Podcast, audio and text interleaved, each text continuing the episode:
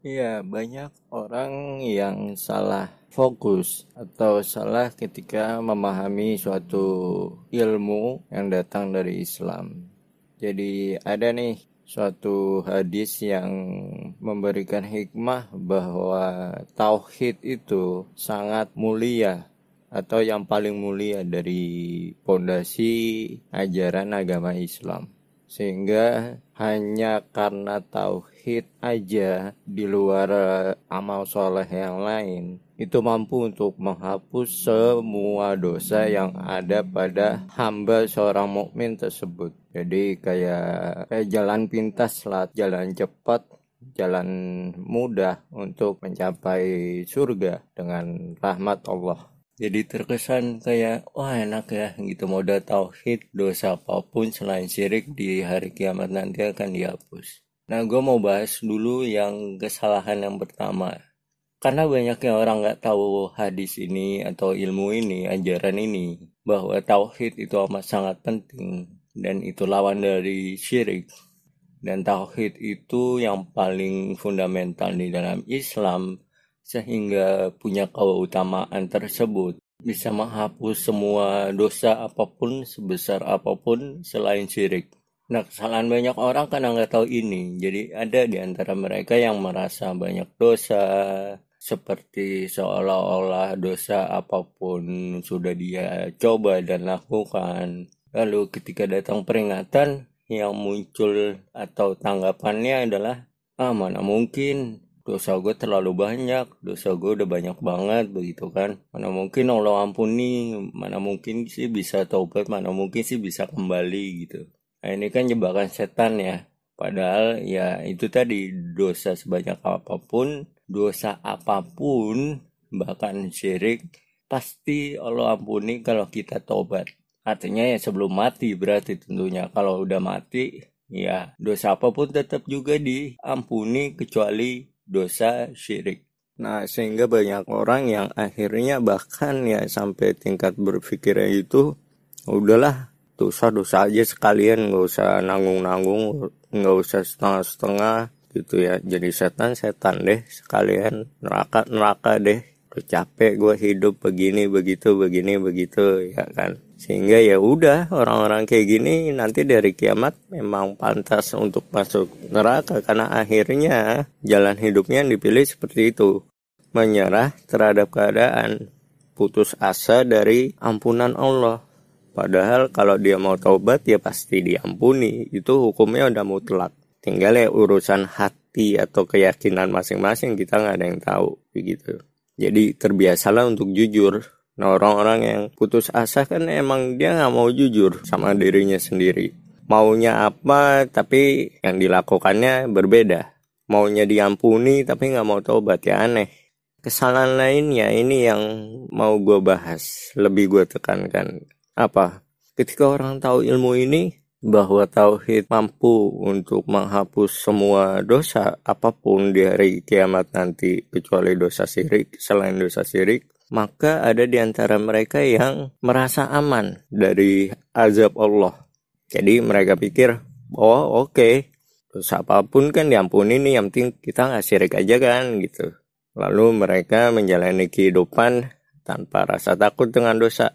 Nah itu kesalahan lainnya lagi. Kenapa? Ya dia udah masuk jebakan setan. Karena itu pikiran dari setan. Nah yang lainnya ada lagi kesalahannya yaitu apa? Salah ketika menyikapi amal soleh. Kan ini dianggapnya amalannya mudah, amalannya nggak berat. Oh kan yang penting nggak syirikan, yang penting tauhid kan, begini begini begini begini. Lalu mereka bahkan ada yang sampai mengabaikan syariat. Jadi yang wajib-wajib kayak sholat, puasa, Ramadan, sholat lima waktu, dan lain-lain itu nggak dijalankan. Karena mereka pikir, oh yang penting yakin, udah yakin. Nah itu salah. Kenapa bagaimana mungkin mereka tidak menjalani syariat sedangkan Nabi Shallallahu Alaihi Wasallam, para sahabat Nabi, orang-orang mulia dulu itu tetap sholat. Bahkan di antara sahabat Nabi kan ada yang dijamin masuk surga. Tapi apakah mereka meninggalkan syariat? Tidak, ya sholat tetap sholat begitu.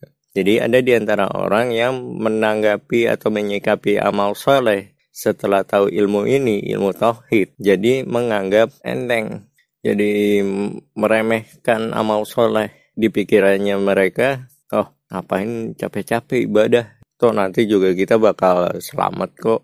Itu yang penting keyakinan aja dijaga supaya kita nggak murtad gitu misalnya, supaya kita nggak kafir. Oh, yang penting dijaga aja hati kita, iman kita supaya nggak syirik gitu. Padahal orang-orang yang berpikir seperti ini di antaranya bi biasanya kecenderungannya dia nggak tahu syirik itu apa kecuali sedikit. Dia nggak tahu tauhid itu apa kecuali sedikit.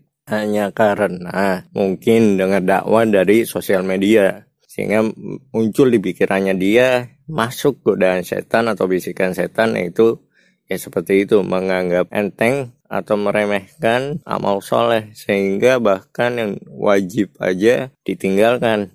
Karena ketika mereka meninggalkan yang wajib atas dasar tauhid yang penting yakin yang penting yakin nah dia masuk ke dalam godaan yang selanjutnya yaitu tadi meremehkan dosa merasa aman dari azab Allah. Karena dia pikir ah dosa juga ntar kita tinggal tobat gitu ya merasa ya kalaupun kita mati banyak dosa tenang masih ada tauhid. Nah itu terjebak dalam perasaan atau hati atau keyakinan yang salah atau bahkan sesat. Orang kayak gini udah tersesat dan kasihan begitu. Karena nanti di hari kiamat ya pasti nggak akan sesuai ekspektasinya dia. Nah kita harus ambil hikmahnya bahwa yang masalah eh, soal ilmu tauhid ini yang mampu menghapus semua dosa selain dosa syirik di hari kiamat Hikmahnya adalah satu, kita tidak boleh berputus asa dari ampunannya Allah. Tadi yang sudah gue bilang di awal bahwa ya dosa apa pun pasti diampuni selama kita mau tobat. Artinya selama kita masih hidup, semua dosa pasti diampuni. Kecuali kalau udah mati, semua dosa tetap diampuni kecuali dosa syirik.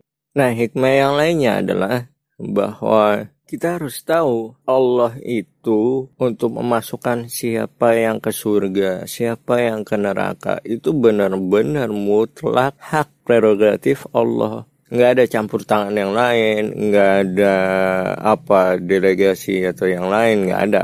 Syafaat itu ya memang Allah kehendaki juga para nabi dan rasul itu kan para syuhada yang lain-lain begitu itu bisa ngasih syafaat memang. Dan itu memang ya, ibaratnya apa ya syafaat itu? Kartu sakti. Kartu sakti dari Allah. Dan itu haknya Allah mau ngasih syafaat ke siapa. Itu walaupun misalkan eh, Nabi punya kartu sakti ini syafaat untuk ngasih syafaat. Itu dia ngasih syafaat ke umatnya. Ya tentu itu melalui syarat atau prasyarat dari Allah juga syafaat itu dipilih. Itu siapa yang ngasih syafaat itu dipilih siapa yang berhak menerima syafaat dan diterima syafaatnya itu juga dipilih oleh Allah. Jadi benar-benar kemutlakannya semua dari Allah. Tapi kan Allah nggak ujuk-ujuk begitu aja masukin orang ke surga atau ke neraka. Semua ada proses logis dan sangat ilmiah di hari kiamat nanti. Makanya ada audit yaitu hisap namanya. Ada juga pertimbangan. Timbang, benar-benar ditimbang. Yaitu mizan Ya sekarang kalau di dunia udah merasa aman dari azab Allah karena hanya mengandalkan tauhid, jadinya bahkan mereka meninggalkan syariat, meninggalkan apa yang Allah wajibkan, ngerasa meremehkan gitu, menganggapnya dia meremehkan amal soleh, meremehkan dosa, ah bebas aja lah hidup, yang penting yakin, yang penting yakin. Coba pikirkan dengan logis. Yang kayak gini-gini apa? Pantas dapat hak istimewa tadi dari tauhid itu tadi di hari kiamat? Tentu tidak. Nggak sama sekali. Kenapa? Ini amalan hati. Ingat ya, iman itu pusatnya ada di hati. Walaupun dia berilmu, belajar tentang tauhid, tetapi di hatinya tidak sesuai dengan apa yang Allah maksud dari yaitu hadis itu tadi bahwa ya kita nggak pernah tahu kenapa orang itu banyak dosa dan ada amal baik lainnya yang ternyata hanya tauhid. Kita nggak pernah tahu bagaimana prosesnya itu hamba Allah bisa sampai kayak gitu. Dan jangan coba-coba untuk ngikutin begitu. Emang kita mau banyak dosa kan nggak mau.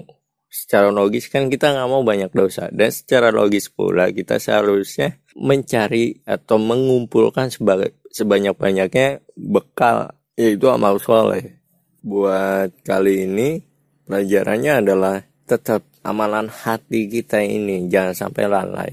Setan itu nggak cuma ganggu orang untuk maksiat bikin dosa begitu ya melakukan apa yang dilarang nggak cuma itu doang setan ganggu. Tapi kita lagi belajar pun juga pasti diganggu gitu.